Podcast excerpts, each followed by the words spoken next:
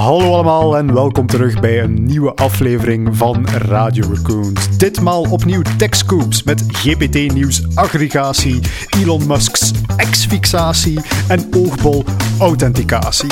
We doen een deep dive rond EU-AI-legislatie, een glazen bol validatie en dan nog als laatste een watercooler show-off over GPS-coördinatie. Hallo allemaal en welkom terug bij Radio Raccoons. Vandaag hebben we een beetje een speciale aflevering voor jullie, want we hebben straks voor onze deep dive twee gasten uitgenodigd. Straks meer, uh, want we gaan gewoon zoals altijd eerst beginnen met onze techscoops. En David heeft er eentje klaarstaan. Ja, eentje, een bundeltje, zeg maar. een bundeltje van, hoe kan het ook anders, GPT-nieuws. Daar gaan we mee van start gaan. Uh, misschien eerst en vooral, ik denk een, een, het eerste nieuwstopic is ook wel ergens een belangrijke, want er zit ook wel een beetje een public service announcement in, vind ik. Uh, dat is namelijk dat OpenAI zijn, um, ja, hoe moet je het eigenlijk zeggen, GPT-tekstdetector heeft ja, op pensioen gestuurd, zeg maar. Dus zij hadden een tool die zogezegd er zo, mm kon voor zorgen dat je kon onderscheiden welke tekst geschreven werd door een AI-systeem en welke door een mens. En ja, we zien vandaag de dag ook dat dat ook al effectief wordt gebruikt. Hè. Je leest regelmatig wel eens posts van mensen die, die een mail krijgen van hun professor van hey, die een paper dat je hebt ingestuurd, uh, ik heb hier een tool die zegt dat dat door AI geschreven is, schrijf dat mhm. alsjeblieft opnieuw. Uh, maar daarbij is de conclusie altijd al geweest van die tools werken niet perfect. Mhm. En zo blijkt nu ook uit wat OpenAI zelf heeft verklaard, die werken eigenlijk zelfs niet eens zo supergoed. Dus daarom hebben zij die tool met pensioen gestuurd. Die werkte helemaal niet zo goed. Heel veel kans op false positives. Dat is maar één van de vele tools. Er, er is Zero GPT of zo, die, die ook ergens op het internet beschikbaar staat. Maar ja, aan iedereen dus bij deze een warme oproep. Die tools zijn niet betrouwbaar, kun je niet zomaar sluitend gaan gebruiken.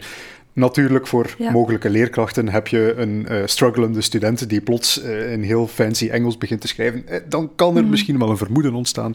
Maar dus alleszins, AI gaat ons niet uit de brand helpen als het aankomt op onderscheid maken tussen AI en menselijke mhm. tekst. Ja, ik heb het soms um, zelf ingebouwd. als ik zo op LinkedIn aan het scrollen ben, dan zie ik soms van die posts dat ik denk van Hmm, dat is sowieso door ChatGPT geschreven. Kan niet anders, want dat zijn dan mensen die nooit iets posten. En dan, ja, die heeft toch een typische stijl, vind dat ik. Dat is inderdaad, ja. Um, ja, Allee, tenzij dat je heel goed kunt prompten en zeggen van doe het in deze stijl en gebruik niet uh, deze woorden of zo.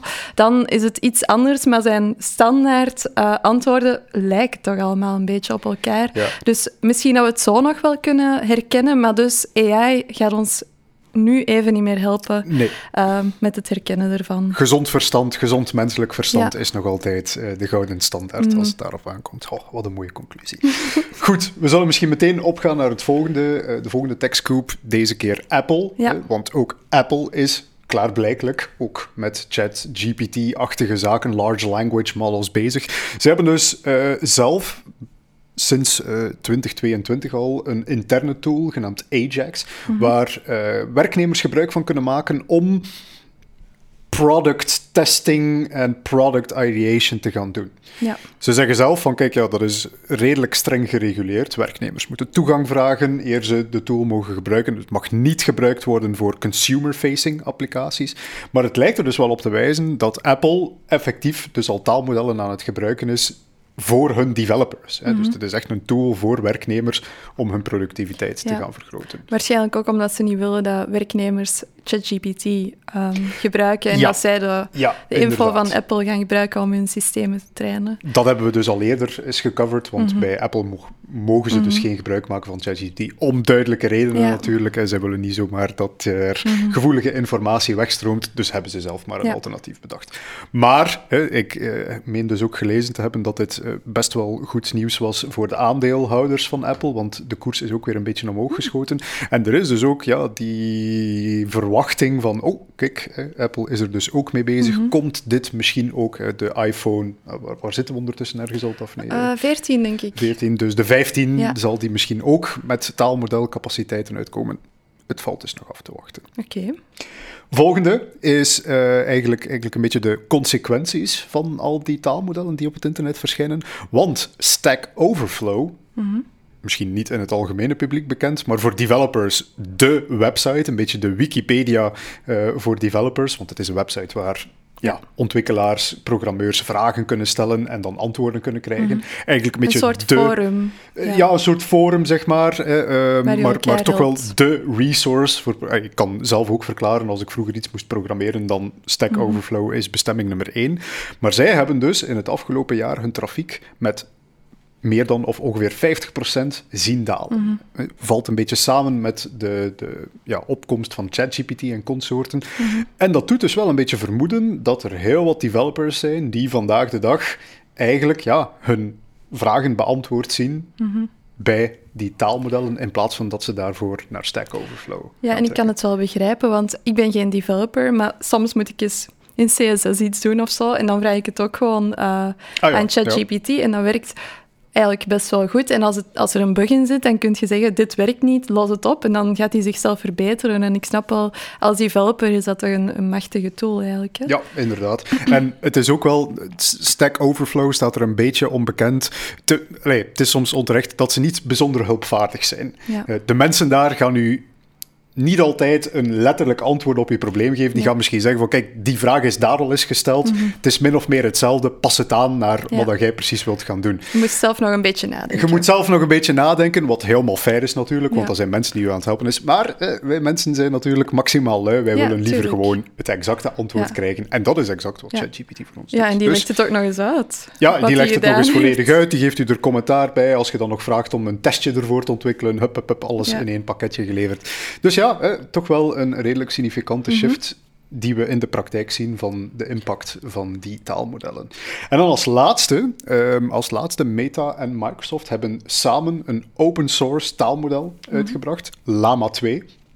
Heel groot nieuws, want het is ook weer een taalmodel die enerzijds op de benchmarks heel gelijkaardig begint te scoren als de GPT-varianten, eh, maar ook nog eentje die één open source en twee um, commercieel gebruikt mag worden. Hm? Dus mhm. dat is wel een hele belangrijke, ook weer voor ons. Hè, als wij zaken willen gaan bouwen voor klanten, hè, volledig lokaal draaiende taalmodelsystemen, uh, dan zal dat misschien wel in de toekomst met het Lama-model zijn. Hè, want we mogen er gebruik van maken, we mogen daar dingen mee gaan bouwen. Mhm. Ehm, en het is dan ook nog eens volledig open source, dus we kunnen dat ding gaan bijtrainen, we kunnen daar zelf data aan gaan toevoegen. Dus dat is enorm, enorm interessante informatie. En het is dus ook weer een, een nieuwe, ja, hoe moet zeggen, een nieuw kanonschot in de oorlog tussen uh, de proprietary, mm de, de, afgeschermde taalmodellen en de open source taalmodellen. Open source zet weer een significante stap vooruit. Mhm.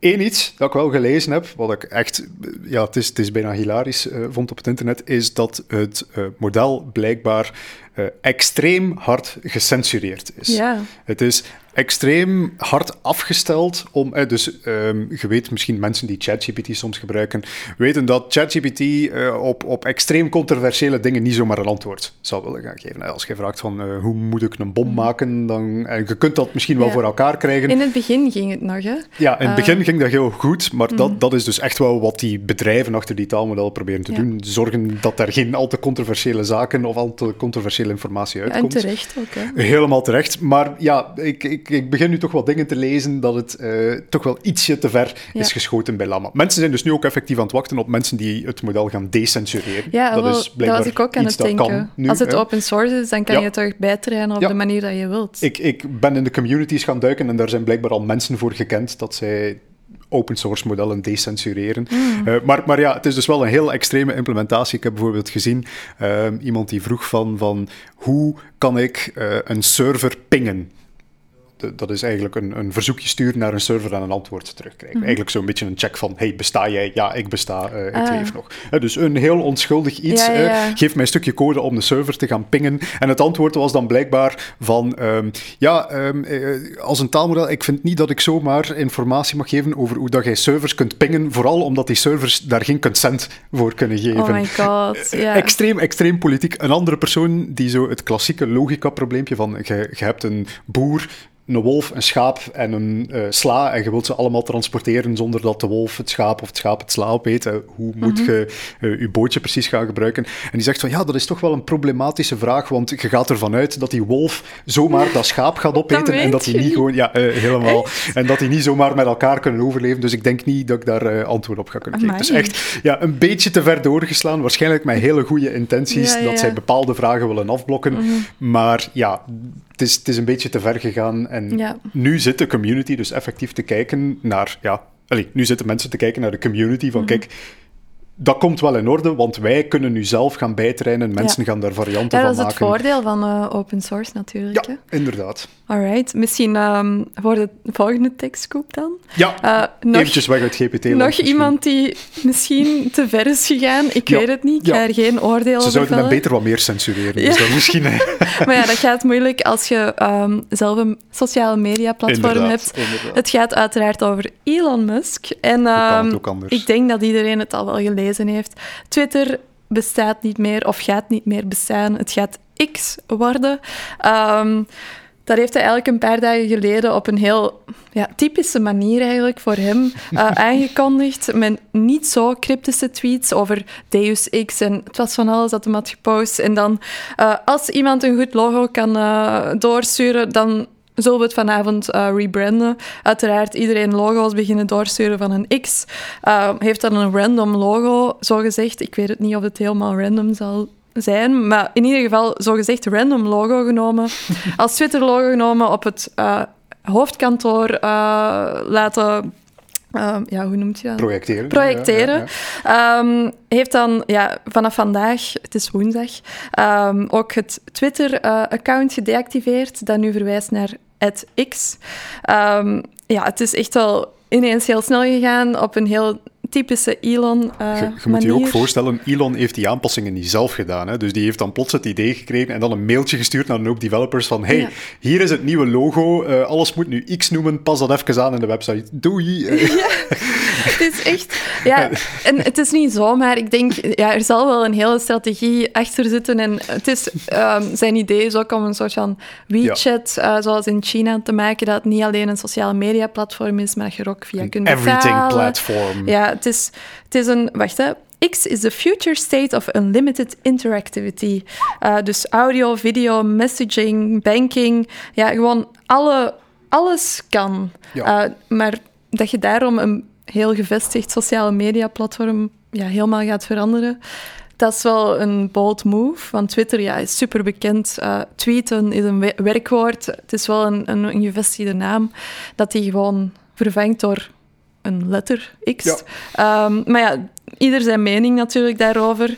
Um, wat misschien niet zo'n een, een, goede move was, is omdat zowel Facebook als Microsoft trademarks hebben op um, ja, X, de, de letter X. Uh, Facebook heeft dat heel specifiek voor sociale media. Dus in plaats van de cage fight krijgen we misschien een trademark uh, battle. maar ja, het, het valt nog te zien wat er gaat gebeuren. Ik denk wel dat hem gaat doorzetten, dat het niet gewoon een impulsieve uh, gedachte was.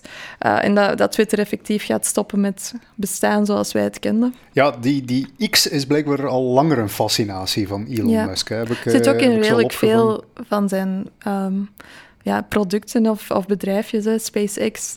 Uh, ik weet niet, er zijn nog van alle logo's dat ik heb zo voorbij zien komen met een X uh, met betrekking tot zijn uh, bedrijven. Ik denk dat er ook een, een Tesla X of zoiets ging hm. komen. Ik, weet hm. het niet meer, ik weet het niet zeker. Um, maar ja, hij heeft echt al ja, ik herinner me zelfs dat hem ooit nog PayPal heeft willen hernoemen naar, naar X. En ja, dus, dus, het is al langer een fascinatie van hem om, om alles te, te gaan bundelen in X. Nu, trouwens, ja, heel revolutionair is dat niet, want inderdaad, je hebt het al vermeld, WeChat in Azië, in China specifiek, mhm. zijn die soort everything apps heel, heel gewoon. Hè? Dus daar heb je inderdaad een messaging-platform waar je ook je bankzaken mee doet, mhm. waar je ook je leningen mee kunt aanvragen, waar je ook nog een keer je documenten in bijhoudt. Hè? Dus dat is misschien de ambitie, allez, dat is waarschijnlijk de ambitie van mhm. Elon Musk, dat hem alles daarin kan capteren en een centje van kan meepikken. En ik denk ook niet dat dat een slecht idee is, maar dat je daarvoor Twitter moet inzetten op deze manier is gewoon... ja. ja, het is, ja, het is een vraagteken voor mij waarom. Ja. Ik heb er geen antwoord op, David. Kijk, als je de rijkste mens ter wereld bent, of één van de rijkste mensen ter wereld bent, dan kun je al een keer een folieke ver, ah, wat is dat? denk ik. Dan kun je al een keer zo doen.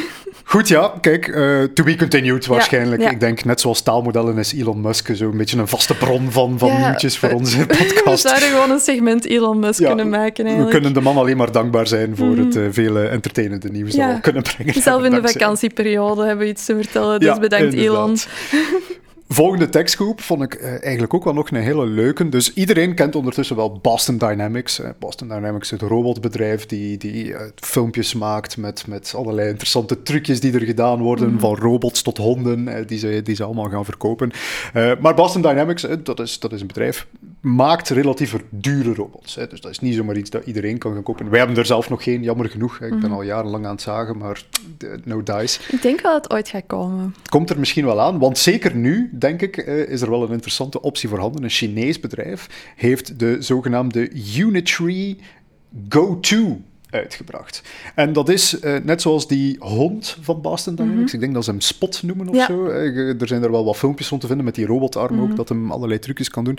Heeft daar eigenlijk een soort ja, Chinese variant van gemaakt, laat ons eerlijk zijn. Maar het is eigenlijk wel een heel interessant apparaat. Vooral omdat het hele ding maar 1600 dollar kost. Ja, dat is niks. Dus dat is zelfs voor ons uh, misschien best betaalbaar. Misschien dat we toch eens uh, gaan moeten kijken uh, hoe moeilijk dat is om zoiets aan te schaffen. We gaan eens bij de Money Guys moeten passeren. Maar een heel interessant apparaat voor 1600. Ze zeggen van inclusief shipping komt het op een 2500 euro uit mhm. ongeveer. Ehm, maar maar een heel interessant apparaat voor heel weinig geld. Want dat is dus een robotje geëquipeerd met een LiDAR systeem, zoals we die uh, bijvoorbeeld in de zelfrijdende wagens ook terugvinden. En die kan dus volledig zelfstandig navigeren. Dus je kunt die dus zeggen van wandel van hier naar daar over mhm. oneven terrein en mhm. die gaat perfect zijn uh, dingen gaan doen. Kan ook de typische, uh, hoe moeten we het een beetje zeggen, uh, Boston Dynamic trucjes. Er is een video van beschikbaar dat dat ding salto's doet, op twee benen rondloopt, allerlei evenwichtstrucjes kan gaan uitvoeren. Dus een heel behendig apparaatje ook wel, ook uitgerust met zo'n arm voor relatief weinig geld. Dus misschien wel eh, ergens in het, in het, hoe moet dat zeggen, het openbare landschap binnenkort overal te vinden als, als een soort hulpje om afval ergens te gaan mm oppikken of zo. Zelfstandig navigeren en ik heb gezien, het is, uh, hoe moeten we het een beetje zeggen, uh, er, er, is wel wat sceptisch rond hoe goed dat het zou gaan werken, maar het heeft zelfs, ik ben hier weer, uh, chat-GPT-integratie, waarbij dat ze in het promofilmpje, nogmaals, uh, blijkbaar demonstreren dat je daar een commando aan kan geven. Mhm. En dat, hey, dus dat die robot daarvoor ChatGPT gebruikt om dat commando live te vertalen naar code. Ja. dus iemand zegt tegen die robot, geef mij een hand. Dat ding weet totaal niet van, van wat is een hand geven, wat moet ik daarvoor doen. Maar door dat aan ChatGPT te geven, vertaalt hem dat effectief in werkende code mhm. en kan hem dan een handje geven aan die persoon. Het is te hopen dat dat op die manier uh, goed werkt. Als dat zo goed zou werken, dan is dat toch wel ja, iets heel revolutionair in robotland. Van, ah, ik heb een of andere nieuwe taak, wel gezegd het gewoon tegen dat systeem. En die vogelt dan zelf wel een beetje uit hoe dat hem het moet gaan doen. Interessant apparaatje. ik zou zeggen... Uh... Ik, ik ik zie daar heel veel misbruikmogelijkheden. Dat je dat, ja, ik weet niet wat voor taken gaat laten het is, het, is, het is ook wel een heel behendig apparaatje, want eh, er zijn meerdere varianten van beschikbaar, maar sommige zou tot 5 meter per seconde, wat dat toch wel, ik denk, een 18 kilometer per uur zou moeten zijn. 18 kilometer per uur is, is, is, is een redelijke snelheid. Hè? Daar loop je niet van weg, bij wijze van spreken. Dus als er iemand zich oh, ooit uh, een, een honderdtal exemplaren aanschaft en een klein robotlegertje wil beginnen, kijk, bij deze... Ja, en, en die GPT-integratie vermoordt die mensen dan al die... Eh, hele grimmige glazen bol van oh, mij. Iemand komt met een uh, hondenrobotleger af en gaat daar gekke dingen mee doen. Ja, ik wou het nog zeggen van... Ik had uh, ooit nog een idee van een glazen bol van binnen de vijf jaar gaat elk gezin een robot hebben. Ja, die hond die kost bijna niks. Wie weet... Allee, ik, ik, ik Hang er nog een stofzuiger aan, leer hem de afwas doen en ik koop er mij al eentje. wel, Gewoon ChatGPT vragen, hè. doe de afwas. En, Ja, hij eh, heeft wel maar zo één klunzig robotarmpje. ik weet niet of dat hem daar heel goed met vaat mee gaat kunnen doen. Maar ja, het is, uh, het is een interessant idee. Het, kan, uh, het kan, nog, een, kan nog een ding worden. Ja, ik hoop dat we hem mogen kopen. Dan zou ik Kijk, als hem hier de volgende keer op mijn schoot zit, dan weet je dat we succesvol gesmeekt ja. hebben. Ja, uh, en dan de laatste tekstkoop. Um, Sam Altman, ook wel bekend van OpenAI, uh, heeft nu een crypto-project gelanceerd, WorldCoin. Coin, sorry. Um, en dat is best wel speciaal, omdat je um, om tokens te krijgen, je oogbal moet laten scannen. Dus ehm, ja, volgens Sam Altman is dat nodig om, omdat ja, in de toekomst als AI, en ja, hij is zelf uh, CEO van een AI-bedrijf, als AI en mens niet meer te onderscheiden vallen, hoe kunnen we ons dan nog ja, onderscheiden? Dat zou dan door zo'n oogscan zijn. En op die manier uh, zou zijn crypto-project lopen. Um, wat ik wel grappig vond, is dat duizenden mensen ook effectief hun oog hebben laten scannen in Londen. Uh, ja, voor tokens van 1 cent. Ja, ze kregen 25 tokens van 1 cent met de hoop dan waarschijnlijk dat dat heel, heel, heel hard ging stijgen. Ja, de um, bitcoin was ook uh, vroeger maar ja, 1 cent. Hè, dus ja, stel je voor. Uh, het is wel niet in de VS uh, te verkrijgen, omdat ja. daar de reguleringen ja, toch wel iets te heftig zijn. Maar dat is volgens hen geen probleem. Ze hebben de rest van de wereld nog. dus ze zijn daarmee aan de slag gegaan. Ik zou eens kijken naar WorldCoin als je geïnteresseerd bent in die dingen. Ik weet niet of ik het zou doen. Ja, dit, dit klinkt voor mij als een technologie die voor ons vandaag heel eng en dystopisch klinkt, maar die binnen 50 jaar zo het meest alledaagse ding ter wereld gaat zijn. Want inderdaad, als we, als we leven in een internet waarbij dat captchas Klik op dit doosje om even aan te geven, of verifieer je telefoonnummer om aan te geven dat je een mens bent. Als dat allemaal niet meer werkt, hm, dan kan dat wel voor problemen veroorzaken. Als je, als je even on the fly 10.000 mensen kunt gaan maken, die allemaal gaan praten op je platform en daar mm nare dingen mee gaan doen, ja, dan gaan we misschien wel moeten op zoek gaan naar betrouwbare methodes om mensen... Maar waarom dat, dat nu verbonden wordt met een of ander cryptocurrency-verhaal, lijkt me dan weer iets, iets schimmig te zijn. Dat is dan weer jammer. Maar goed, ja, mhm. kijk, uh, interessant om te zien ja. wat dat gaat worden. Het, ziet er wel grappig uit, die uh, orb noemen ze het, ja, het om je oog te, ja, te, scannen. Ik zou het zeker eens bekijken. Ik zal het linken in de, in de show notes. Um, en dat waren onze TechScoops. Yes. We gaan nu eens naar onze deep dive uh, met onze twee gasten. ik vertel jullie zometeen meer. Alright, uh, ik heb het al gezegd, we hebben een speciale deep dive vandaag. We hebben twee experten erbij genomen. Mieke de Ketelare, AI-expert, en Chris Seijen, ICT-expert, of ja, wetgevingsexpert. Uh, want die hadden we toch echt wel nodig vandaag, hè? Ja, inderdaad. Het onderwerp van vandaag, we hebben het al eens aangehaald, is de EU-AI-wet, die, uh, als ik het mij goed herinner, in het Europees Parlement is gestemd geweest. Daar de Europese uh, regeringen die willen daar een aantal maatregelen rond afkondigen. Korte recap misschien, hè, wat hebben we het de vorige keer over gehad, is dat Europa een aantal uh, risiconiveaus had gedefinieerd op basis van het gebruik, de doelstelling van het AI-systeem. En dat er op basis van die risico's een aantal verschillende verplichtingen aan vast gingen hangen. Hè. Hoge risico's hebben meer verplichtingen dan lage risico's. Nu, voilà, dat is min of meer wat wij konden begrijpen uit die wierwar van communicatie en wettelijke teksten die we konden inlezen. En dus ja, daarom even toch is de experts erbij gehaald om ons wat meer te vertellen. Dus ja, laten we misschien beginnen met de open vraag van waar staan we nu uiteindelijk? Hè? Wat is er nu eigenlijk allemaal aan de hand? Uh, is die wet er vandaag al? Moeten we vandaag de dag ons al aan bepaalde uh, bepalingen gaan houden? Of is er nog een beetje tijd? Wat uh, denk je? Ik denk dat dat een, een zeer terechte vraag is, die inderdaad een beetje verduidelijking vergt. Vooral omdat op het ogenblik dat uh, deze AI Act gestemd is geweest in het Europees Parlement, dit natuurlijk vrij massaal is opgepikt geweest door de algemene media. Uh, die dan verwijst naar de AI Act, hè, of de wet rond AI, met ronkende titels als Europa is de eerste om de toon te zetten in de wereld, om op een algemene manier AI te gaan regelen. Uh, maar dat is eigenlijk een klein beetje de, de kar voor het paard spannen. Uh, in die zin dat het, uh, het Europese wetgevingsproces nogal complex is. De AI Act is lange tijd geleden gestart als een initiatief van de Commissie. die vond om 101 redenen dat het wel nodig was om daar regels rond te gaan maken. Ze hebben een voorstel uitgewerkt. dat voorstel is dan uh, zeer lang besproken geweest in het Europees Parlement. En wat er nu gebeurd is vorige maand in juni, is dat het Europees Parlement, om te beginnen, niet zomaar het voorstel van de Commissie heeft goedgekeurd. Ze hebben daar toch wel uh, substantieel wat wijzigingen aan uh, doorgevoerd. En ze hebben dan vervolgens die gewijzigde tekst gestemd als zijnde, kijk, dat is nu vandaag het akkoord dat bestaat tussen Europees Parlement enerzijds en de Commissie anderzijds om dat te gaan regelen. Alleen daarmee is het nog geen wet. Dit is mhm. gewoon nu een startschot. Want wat nu van start gaat, is eigenlijk de discussie met de 27 lidstaten, de Raad, om die tekst die door het parlement is aangenomen ook daadwerkelijk in wet te gaan omzetten. Dus dat gaat sowieso nog een tijdje uh, in beslag nemen. Uh, men verwacht dat dit zou afgerond geraken uh, tegen het einde van het jaar, dus Q4 2023.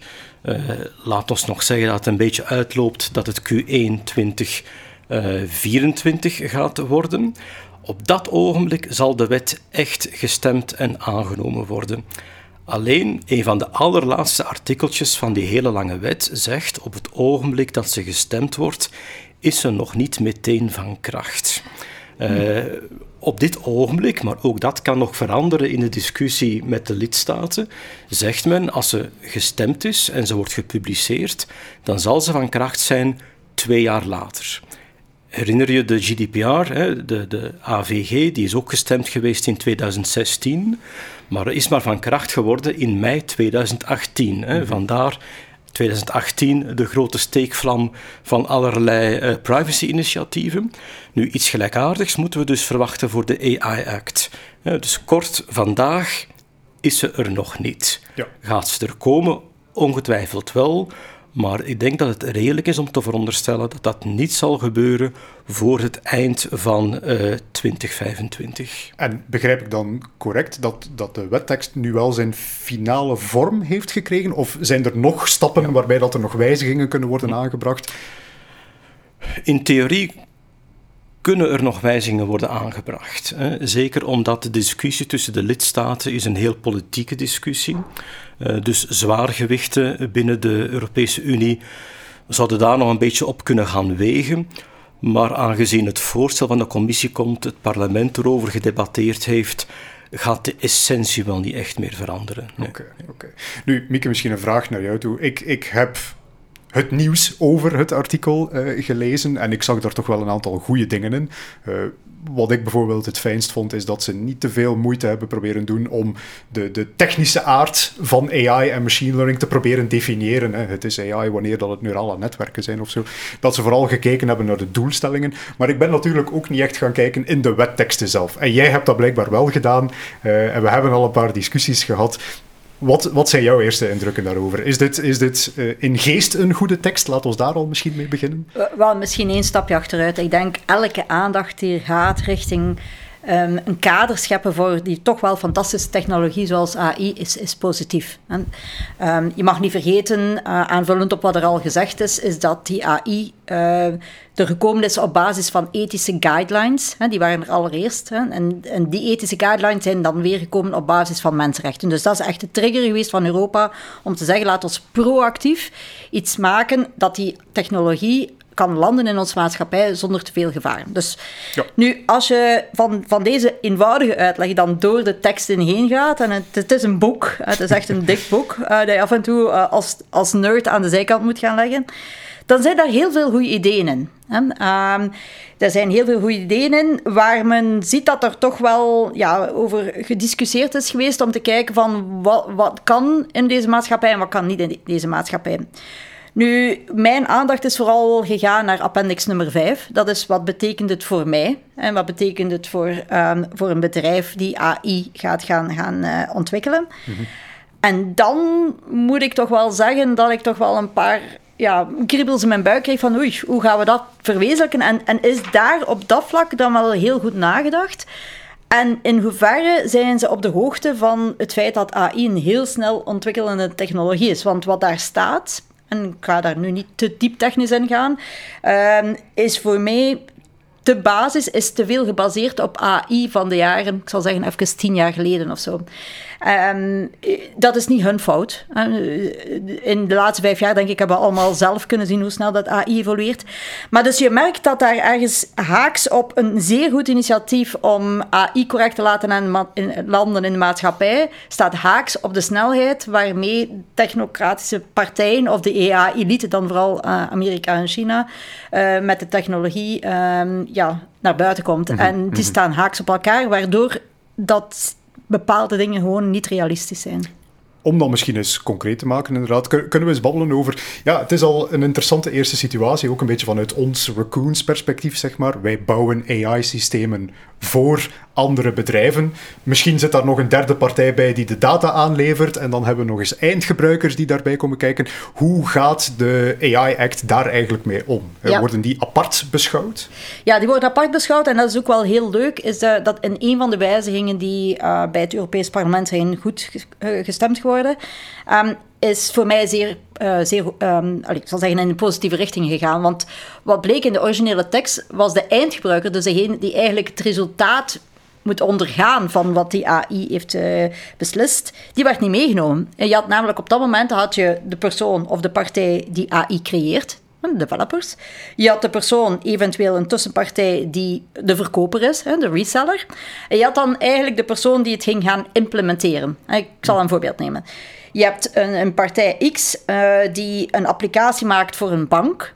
Um, een andere partij die zegt, oh ja, ik ga die applicatie, uh, ik ga die in mijn, mijn uh, ik zal zeggen, IT uh, applicatie verwerken. Mm -hmm. dan wordt die reseller van die eerste. En dan heb je de derde, heb je de gebruiker, de bank. En de bank gaat die applicatie gebruiken om bijvoorbeeld te zeggen: persoon A of B krijgt een lening onder bepaalde voorwaarden of niet. Nu, die eindklant uh, van die bank was dus origineel niet meegenomen in die tekst. Terwijl dat hij wel degelijk de nadelen ondervindt waarover dat ik juist heb gesproken, hè, de maatschappelijke nadelen.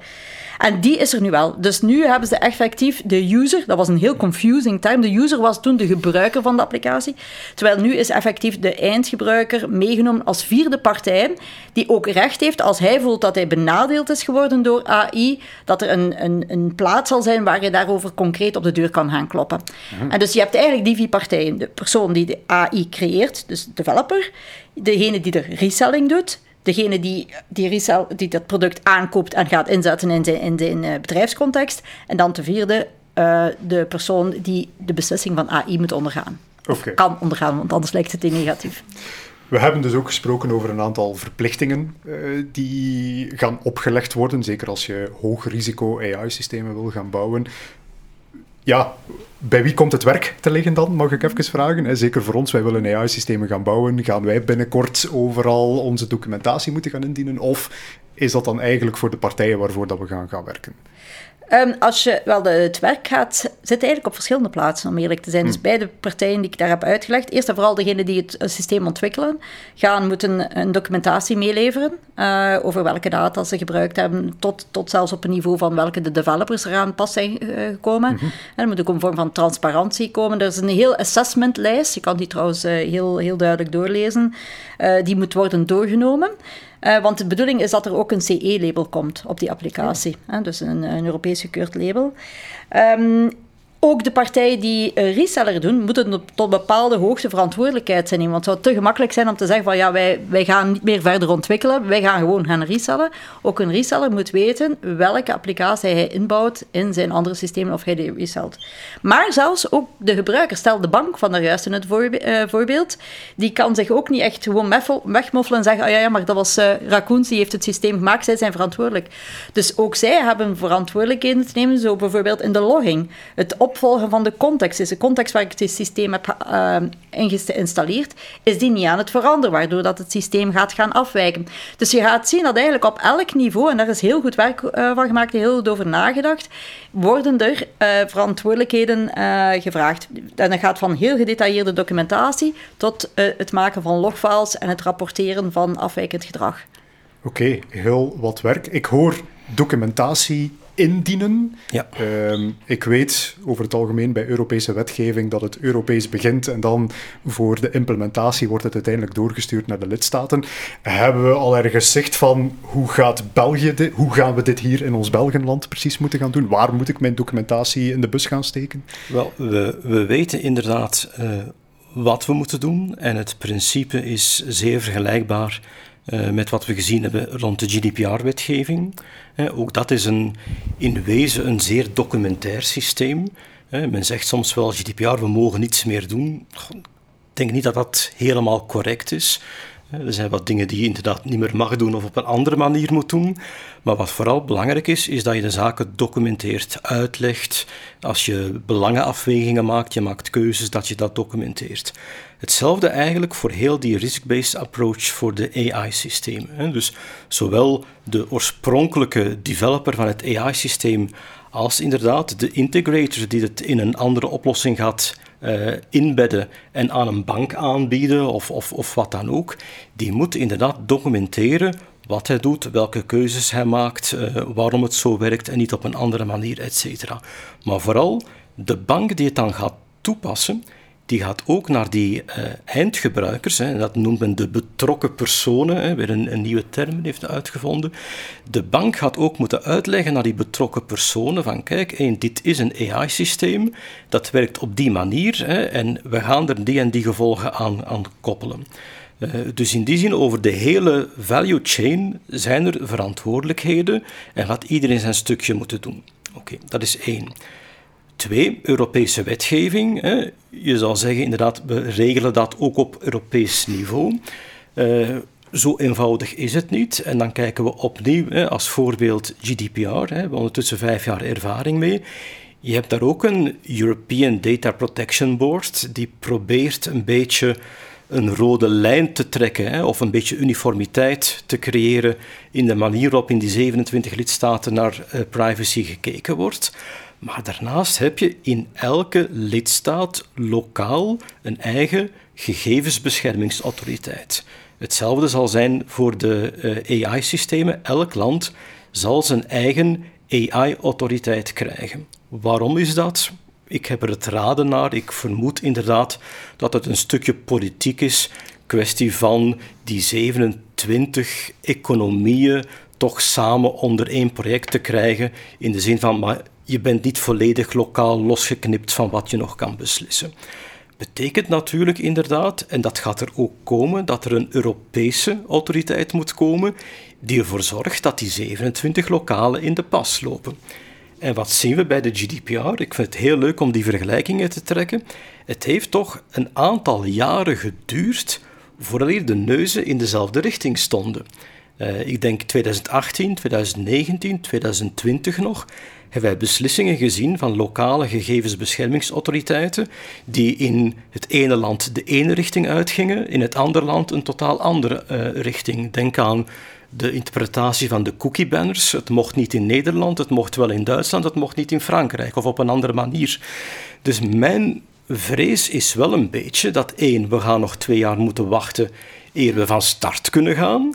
Maar dan gaan we nog een heel tijdje toch een klein beetje blind moeten rijden, omdat we niet weten hoe onze eigen AI-autoriteit dat gaat bekijken. Laat staan of dat die eh, geïsoleerd gaat staan in de Europese context, dan wel dat dat meteen gealigneerd gaat geraken. En wie dat die autoriteit gaat zijn, eh, tot op vandaag had ik er het, uh, het raden naar, hè, maar Mieke heeft er wat uh, inzicht in gegeven. Sommige landen, wist ik, hebben ervoor gekozen om de bevoegdheid van hun gegevensbeschermingsautoriteit uit te breiden naar AI. Blijkbaar zou dat niet de richting zijn die België uitgaat en zou het wel degelijk een aparte autoriteit worden. Alleen de kracht of de slagkracht van zo'n instantie zal voor een groot stuk afhankelijk zijn van hoeveel middelen krijgt hij, hoeveel mensen vinden we de geschikte mensen. Eh, vandaag stellen we vast dat de, de GBA, de Gegevensbeschermingsautoriteit, hopeloos loopt te worstelen om haar opdracht naar behoren ingevuld te krijgen. Uh, ja, wat gaat dat worden met de AI Act? Uh, heel veel gaat ook afhangen van de, de richtsnoeren uh, die men gaat uitvaardigen. Dus vandaag zijn er heel veel vage termen in die AI Act. er is ook in bepaald dat zes maanden voor de inwerkingtreding de autoriteiten richtsnoeren gaan moeten uitvaardigen die een beetje meer houvast geven van hoe moet ik dat nu interpreteren dat er een significant risico is van een systeem. Vandaag hebben we het raden naar. Nu, hoe duidelijker die richtsnoeren gaan zijn, hoe minder problemen er waarschijnlijk zullen zijn in de handhaving. Alleen ja, we hope for the best, maar wat het gaat worden, dat is nog te bekijken. Wat ik mij dan afvraag, Ehm, je hebt zo snel veranderde, allee, veranderde technologieën. Ehm, je zegt het zelf ook, het gaat nog zo lang duren voordat het in werking komt. En dan moeten we nog heel die autoriteit uh, zien dat die in dezelfde richting allemaal gaan. En dan, stel, er komt weer al een nieuw soort AI. Generative AI is er een goed voorbeeld van, denk ik. Uh, nog iets helemaal nieuw dat we nog niet eens kunnen voorstellen wat het is misschien zelfs. Gaat het dan niet allemaal heel lang aanslepen en uiteindelijk altijd achter blijven lopen? Of denk je met zo'n algemeen kader dat dat wel kan ja, daarbinnen gehouden worden? Ik, ik denk, Daphne, dat je een uh, zeer terechte opmerking en meteen een conclusie maakt. En dat is waar het ICT-recht al altijd mee geworsteld heeft. Uh, dit gaat traag. Er moet overlegd worden, uh, er moeten compromissen gezocht worden. En tegen dat de knoop eindelijk doorgehakt geraakt, staat men technologisch vaak een heel stuk verder. Dus ik denk dat is iets waar we altijd gaan tegenaan lopen. Uh, waar we alleen opnieuw het beste kunnen hopen. De wet is zodanig geschreven, en daarom is ook zodanig complex, denk ik, dat men probeert tegemoet te komen uh, aan een soort van technologie-neutraliteit, net zoals de GDPR dat eigenlijk moet zijn. Dus men gaat kijken niet naar technologieën, maar wel naar risico's, ongeacht door welke technologie het risico dan gecreëerd wordt. Dat is een goede poging, dat is verdienstelijk, maar het zal altijd zo zijn dat er vertraging optreedt tussen dat we nu eens weten van ja, dit mogen we echt zeker wel en dit mogen we echt zeker niet. Opnieuw, kijk naar de GDPR. Het we zijn nu vijf jaar verder. De dingen beginnen vandaag te kristalliseren, maar jarenlang heeft men ook zitten trekken en sleuren om te weten wat kan je doen met de tech-giganten uit de US en de datatransfers. Uh, zelfs nu proberen mensen nog koppig weg te kijken. Uh, maar ja, dat, dat is eigen aan technologie. Ja, ik kan misschien aanvullend daarop zeggen, een, een interessante oefening die ik doe met mijn studenten bij Vlierik, is dat ik uh, een aantal use cases geef en vraag van klasseer deze use cases volgens risicoklasse. Mm En dat zijn eigenlijk ook dezelfde use cases die ze voorgelegd hebben in Europa, waar dat ze zien dat zelfs mensen binnen Europa die met de wetgeving heel sterk betrokken zijn, ze verschillend hadden geclasseerd. Dus als zij het al niet weten, hoe zouden wij het moeten weten? En ten tweede is dat ik bij diezelfde use cases zeg van welke partij in deze beschrijving heeft welke rol. want je kan, stel nu diezelfde bank, als je een eigen AI-team hebt die dingen ontwikkelt, dan ben je eigenlijk die drie rollen in hetzelfde moment. Dus hoe staat dat dan haaks op elkaar als dingen gaan fout gaan? En dus er is, is, ook op dat vlak nog heel veel, heel veel onduidelijk. Ik denk aan voorbeelden gaan handig zijn. Ehm, het gaat handig zijn om ook ja, daar meer, ik zal zeggen, hapbare taal rond te krijgen, want het is heel moeilijk leesbaar op dit moment. Um, en use cases en transparantie in wat ze nu eigenlijk uh, willen bereiken. Dus, uh, maar goed, elke aandacht, vorm van aandacht naar goede AI is natuurlijk van belang. Ik hoop inderdaad op een zeer uh, actieve community hè, in de wisselwerking tussen die lokale autoriteiten, de Europese autoriteit, de specialisten die misschien aan de kantlijn staan, dat die inderdaad input kunnen geven van oké, je zegt nu wel dat je iets moet doen aan bijvoorbeeld de confirmation bias. Hè. Als een AI-systeem jou oplossingen geeft die je nog wel moet confirmeren als mens, oké, fijn. Maar ja, ik kan me voorstellen, als ik naar mijn eigen domein kijk, een rechtsprekende functie, een AI-systeem dat vonnis na vonnis voorbereidt. En een rechter moet op het knopje klikken van ja, het is goed, het is goed, er zit geen fout in, af, fijn, goed vonnis. En je doet dat van s morgens 9 uur tot in de namiddag 4 uur. Ik denk niet dat je om 4 uur in de namiddag nog erg kritisch bent om op dat knopje te duwen. Met andere woorden, het staat nu wel in die AI-act van je moet daar maatregelen voor treffen. Maar wat zijn die maatregelen? Wil dat zeggen van je mag maar twee uur met een systeem werken en dan moet je een koffie gaan drinken? Ja. Uh, is dat niet ook heel subjectief en hangt dat ook niet af van oh, mens tot mens? Misschien dat, dat ik heel geconcentreerd voor zes uur dat zou kunnen doen, maar iemand anders maar één uur. Absoluut, helemaal mee eens. En een ander voorbeeld in diezelfde richting is bijvoorbeeld met de chatbots nu. Het mag geen vorm zijn tot manipulatie. En ze moet te roughly getest zijn. Maar wat is te roughly getest? Ik, ik zit misschien nu goed in mijn vel en zie dat dat uh, een chatbot is en ik laat me niet manipuleren.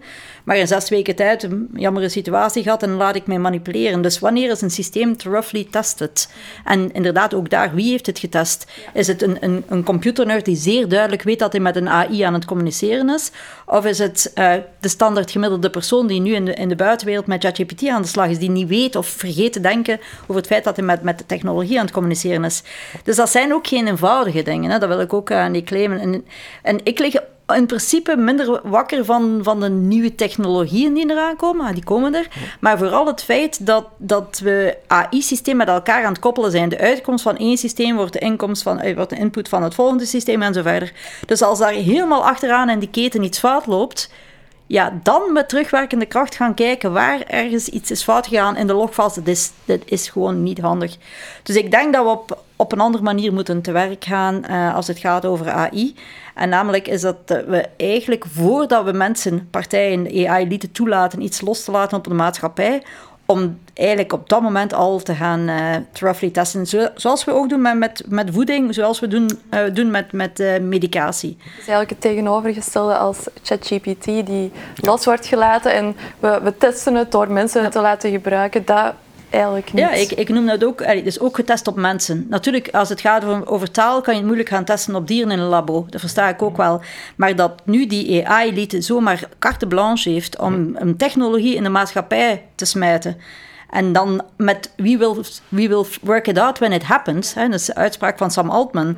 Sorry, maar ik bedoel, dit, dit is niet goed. Dus, uh, dat gaat, dus de Europese wetgeving, totaal alignment, maar ik denk dat er nog veel meer werk is aan de EA-elite een lesje te leren en te zeggen van, kijk, en niet om innovatie te stoppen, hè, maar om innovatie op een correcte manier te laten landen. Ik denk dat daar nog veel meer werk is. Ik hoor u inderdaad daar spreken over AI-elite, verwijzende waarschijnlijk naar de grote AI-bedrijven, vaak Amerikaanse bedrijven. We moeten daar niet flauw over doen. Google bijvoorbeeld.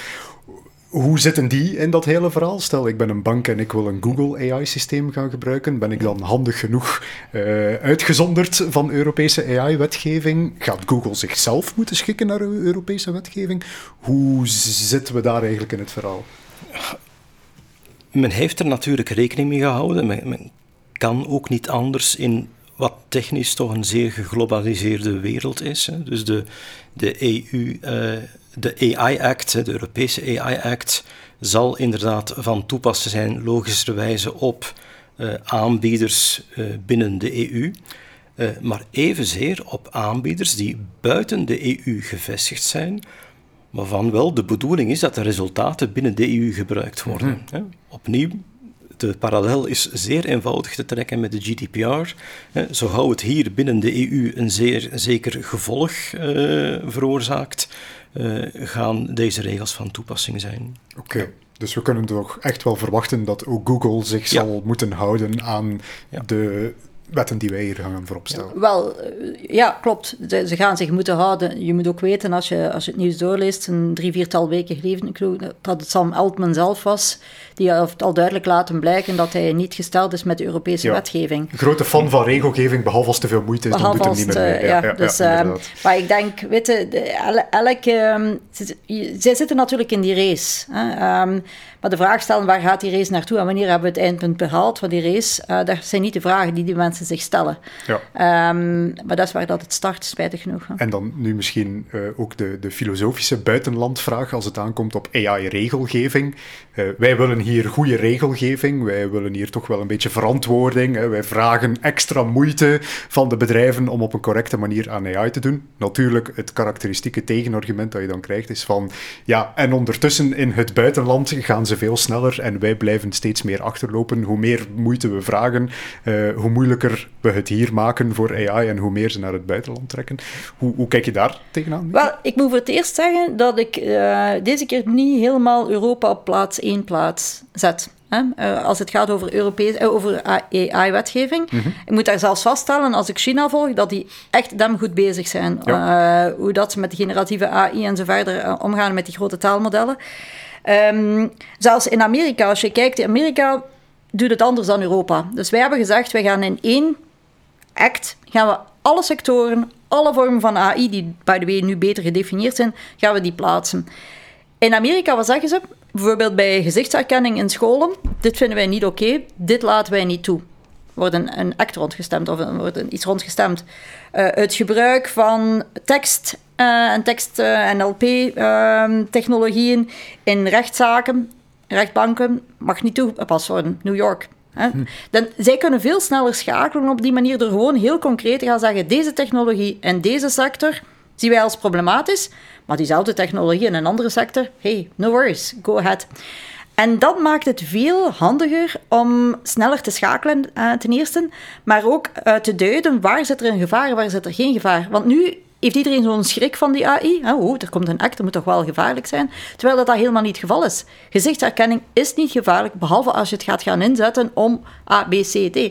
En dus wij moeten nu na die act eerst nog een keer terug gaan uitleggen waar dat het gevaarlijk is en waar niet. En dat is niet echt handig. Dus daar vertragen we eigenlijk in plaats van versnellen. Maar dat is mijn persoonlijke mening op de Europese act. Dus dat voor het eerst moet ik vaststellen dat andere landen toch wel ook strafgoed bezig zijn. Is dat uh, ook de juridische opinie? ja, nee, ik, ik, uh, ik, ik volg uh, Mieke naar redenering en ik, ik kan het ook wel begrijpen dat je zegt van het laat ons toe hè, in andere landen in Europa als we naar bepaalde subtopics gaan kijken en we gaan die regelen om zeer snel op de bal te spelen, hè, wat ook de bezorgdheid van Daphne denk ik voor een stuk tegemoet komt, zien we een probleem, dan gaan we het regelen zien we ergens gewoon, ja, maar hier is geen probleem of hier loopt niks mis, dan moeten we ook ons hoofd er niet over breken. Dus ik zie daar wel voordelen van. Het nadeel is natuurlijk dat je dan wel na x aantal tijd een enorm versnipperd systeem gaat hebben. bijvoorbeeld in Amerika, er wordt veel geregeld op het statenniveau, federaal heel weinig. Maar dan ga je inderdaad geconfronteerd worden. Ik bedenk een nieuwe technologie, een nieuwe applicatie Oké, eens kijken, wat is er in New York over geregeld? Wat is er in Massachusetts geregeld? Ah, daar wel, daar niet. Plus, je kan zeggen, oké, we vinden in New York regels voor bijvoorbeeld uh, juridische toepassingen. Uh, maar in Californië maken we regels voor AI-toepassingen in het consumentenrecht. En dat is een subset van het andere. En ja, om dan uniformiteit van de approach te gaan krijgen, wordt natuurlijk wel een ander risico. Uh, opnieuw, het is wikken en wegen. Ga je daar een perfecte balans in vinden? Wellicht niet. Ik ben ook geneigd om te denken dat onze approach van we gaan proberen alles in ene keer op een algemene manier, een algemene manier te regelen, dat ons dat toch wel wat kostbare tijd vergt. Uh, Ik bedenk me nu net, het zou eigenlijk nog een goed GPT-jobje zijn. Alle wetgeving die er is, van vat het nu eens samen in één consistente wetgeving, alles wat we hier al besloten hebben. Maar ik denk dat het woordje consistent... niet mogen, hè? Ja. ja. maar het woordje consistent zal ook niet helemaal kloppen als het van ChatGPT komt. Hey, dus. hey, gevoed met genoeg data en gefine-tuned zie ik daar wel nog mogelijkheden in uiteindelijk. Oké, okay, uh, misschien nog, nog één heel concrete vraag die ik, die ik nog wil stellen aan jullie, is, is misschien ook onze luisteraars, zijn mm -hmm. dan niet zelf AI-ontwikkelaars, zijn gewone bedrijven die misschien ook wel een beetje AI-ambities hebben. Ze kijken naar bepaalde processen, ze denken van, oh, zou wel een keer interessant kunnen zijn, zo'n AI. Maar ik kan me wel voorstellen dat er nu veel met schrik uh, zitten van, oei, daar gaan we toch niet aan beginnen zeker, want er komt uh, jaren onduidelijke wetgeving aan, we weten niet wat er gaat welk advies geeft je eigenlijk mee aan zo'n mensen? Moeten we nu al schrik beginnen krijgen? Moeten we nu al iets beginnen voorbereiden om binnen een paar jaar um, in orde te zijn? Of is het eigenlijk vooral nog een beetje afwachten en zien wat er op ons afkomt? Wel, ik ga daar gewoon heel duidelijk over zijn. Ik denk schrik krijgen dat dat niet het juiste punt is. Want alles wat in die act staat, hoop ik dat bedrijven nu al de dag, dag van vandaag doen. Als je nu al een mhm. systeem maakt die een impact heeft op iemand als menselijk leven, dus de, de high-risk klasses, dan hoop ik dat er al een ethische guidelines uh, gebruikt worden binnen de organisatie. Dus wat kan je als bedrijf doen? Want daar zit misschien wel uh, een belangrijk punt, is er zijn nu al uh, assessment tools beschikbaar die je kan gebruiken. Uh, de naam bijvoorbeeld is CAP AI, C-A-P-A-I. Mm is een assessment tool die kan duiden van in welke klasse dat je gaat vallen en welke documentatie je gaat moeten maken. Hè, interne documentatie, model cards, externe documentatie. Dat staat er heel mooi in beschreven. Dus misschien kan je al werk van maken om te kijken van, hey tja, die dingen die we hier hebben op de, uh, on the shelf, waaronder zouden die vallen? De tweede, uh, en dat denk ik, dat is mijn persoonlijke mening, gaan we een shift zien van bedrijven. En ik loop een beetje voorop op de tijd. Maar McKinsey heeft berekend, ik denk dat McKinsey was of een van de vier anderen, uh, heeft berekend van als we moeten compliant zijn met de act, dan gaat ongeveer 20% van de kost van onze ontwikkeling gaan naar het maken van de documentatie die uh, nodig is. Dat is natuurlijk een heel groot bedrag voor een start-up. Dus dan zou je wel kunnen inbeelden dat een start-up zegt van wij, gaan deze type tools gaan wij niet meer maken. Mm je gaat andere type partijen zien uh, op de markt komen, die bijvoorbeeld dit gewoon als service gaan aanbieden. Die gaan zeggen naar een start-up, hey, weet je, jullie doen maar de ontwikkeling, wij gaan voor jullie de documentatie klaarstomen. En dat is al een vorm als externe auditor bijna. En dan kan je, ja. heb je een dubbel, dubbel oog op je, applicatie. Dus je gaat daar een enorme shift zien. En ik denk bedrijven die daar nu zich al voor klaarstomen, extreem goed gepositioneerd zijn. Want ze kunnen dan ook als advisor gaan zetelen uh, op Belgisch niveau, zou ik zeggen. Mm -hmm. dat, dat, wordt ook nog moeilijk op federaal niveau dat te, te, te doen. Maar dus daar nu proactief u inwerken en zeggen van kijk, wat betekent het voor mij in mijn rol, in mijn, wat ik verkoop, maar ook in welke rol ik mij in de toekomst zie uh, op te pakken. En dat dat echt wel uh, een think tank is die bedrijven nu de dag van vandaag zouden moeten doen. Oké, okay, oké. Okay. En... Wel, ik, ik heb daar uh, zeer weinig aan toe te voegen. Het is misschien heel gek om dat van een, een jurist te horen, die doorgaans nogal risicoavers zijn, maar ik vind laat de onduidelijkheid van de regels u nooit, maar nooit tegenhouden om te ondernemen. Uh, waar ik wel een kanttekening wil plaatsen bij Mieke, haar positief mensbeeld. Uh, zegt, ik, ik veronderstel dat mensen die met AI bezig zijn, ondernemingen, dat reeds op een goede manier doen daar ben ik niet al te overtuigd van. Hè. Maar laat ons zeggen dat wat er op ons afkomt aan regelgeving misschien wel een manier is om de cowboys eventjes ofwel eruit te kegelen ofwel op andere gedachten te brengen. Maar vooral laat ons inderdaad niet stoppen met ontwikkelen. Uh, de principes die vervat zijn, zijn inderdaad zeer helder. Hoe ze dan geïmplementeerd worden, dat zien we dan wel en cours de route. Uh, maar het zal zeker niet vertragend mogen werken. Het gaat duurder worden, inderdaad, ongetwijfeld, omdat ja, documentatie heeft een kost. Hè. Ja. Oké. Okay. Nu, en ook misschien een boodschap van onze kant. Uh, uw lokale AI-expert zal daar uh, zeker zich steeds meer in gaan informeren en gaan, ja. zoals wij hier nu eigenlijk effectief aan het doen zijn. Dat wordt een deel van de ontwikkelingsflow, ja. denk ik. Hè? En, uh, een service die je biedt. En het zal dan ook een beetje onze taak worden om onze klanten daarin te adviseren Absoluut. welke toepassingen zij, allez, welke verplichtingen er precies vasthangen aan welke toepassingen. Dus daar kunnen ze misschien wel op ons ook voor Het wordt een beetje compliance by design. Hm. Ja. Okay. Ja, nog veel onduidelijkheden, maar jullie hebben het alvast toch wat duidelijker gemaakt voor ons, denk ik. Als ik ben ik ook, wel gerustgesteld, ja, voilà. ja. Voor mij alleszins wel. Ik wil jullie heel erg bedanken voor jullie uh, uitleg. En dan gaan we over naar het volgende segment. Yes, bedankt. Dankjewel. Alright. Deze week kreeg ik van uh, David een WhatsAppje om ja, te vieren dat een van zijn voorspellingen was uitgekomen. Het was, het was zelf niet eens van, oh, het is uitgekomen. Het was gewoon een link. En zo van, het sprak voor zichzelf. Ja. Ja. Deze keer dus geen glazen bol, eerder een glazen bol viering. Ja. Hè, want een die uh, toch wel nog niet helemaal succesvol is uitgekomen. Um, ik verwijs naar een eerdere glazen bol waarin ik had gezegd dat iemand een seizoen zou uitbrengen van een of andere animatiereeks, volledig AI gegenereerd. Um, en dat daar dus discussie over zou staan dat het eigenlijk beter is dan de originele versie. Nu, daar zijn we nog niet helemaal. Maar um, er is dus wel een bedrijf, Fable Studios, mm -hmm. die uh, onlangs hun uh, Showrunner AI-tool hebben gedemonstreerd. Op het internet, op Twitter, uh, daar een aantal filmpjes van hebben gedeeld. Wat is Showrunner AI? Dat is dus een AI, ja, creatieve AI-tool, mm -hmm. waarbij dat je dus een kaart hebt met personages. Die personages kun je een persoonlijkheid geven. En dan nadien kun je eigenlijk aan de hand van een prompt die personages avonturen laten uitleven. Klinkt nog een beetje abstract, maar ze hebben dat dus gedemonstreerd met South Park.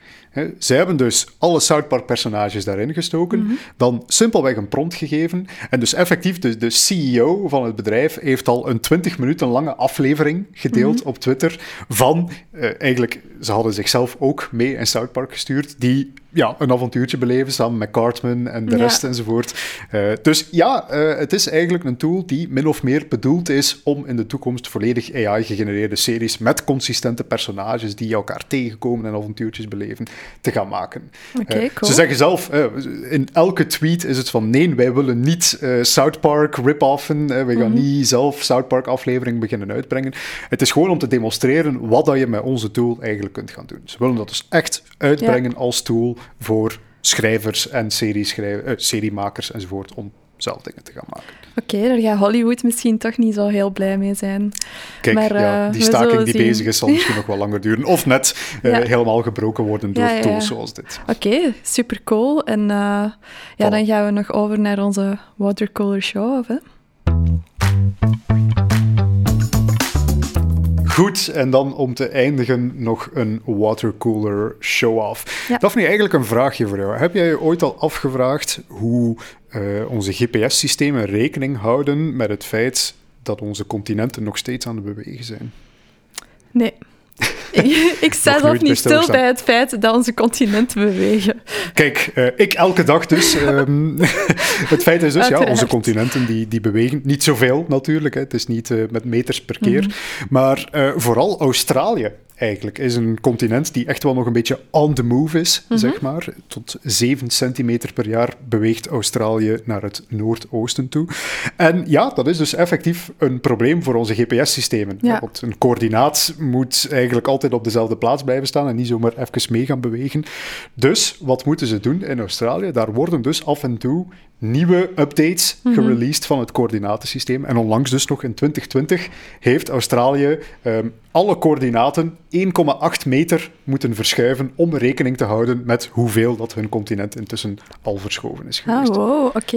Nu, Australië werkt aan een oplossing, want ja, in tijden van zelfrijdende wagens die toch wel een beetje heel precies willen weten waar ze zich precies bevinden, eh, zijn ze dus nu aan het werken aan een nieuwe standaard die effectief ook de beweging van het Australische continent mee incalculeert. Maar dat is dus nog altijd toekomstmuziek. Ja, het klinkt als heel veel eh, dat het beweegt, maar eigenlijk valt dat nog wel mee dan. Hoeveel eh, meter? 7 centimeter per Ah, jaar. centimeter. Oké, dat is echt helemaal niks. Ja, maar we, op, eh, we moeten ze nog niet in onze achtertuin verwachten in de komende jaren, maar eh, ja. Voor GPS is dat toch wel al eh, een beetje problematisch. Ja, wij gaan Pangea nooit meemaken, dus...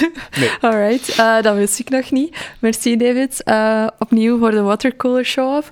Ehm, deze week was er dus geen Curious Raccoon bij, want we hebben iets langer over onze deep dive gedaan. Vanaf volgende keer terug wel Curious Raccoons.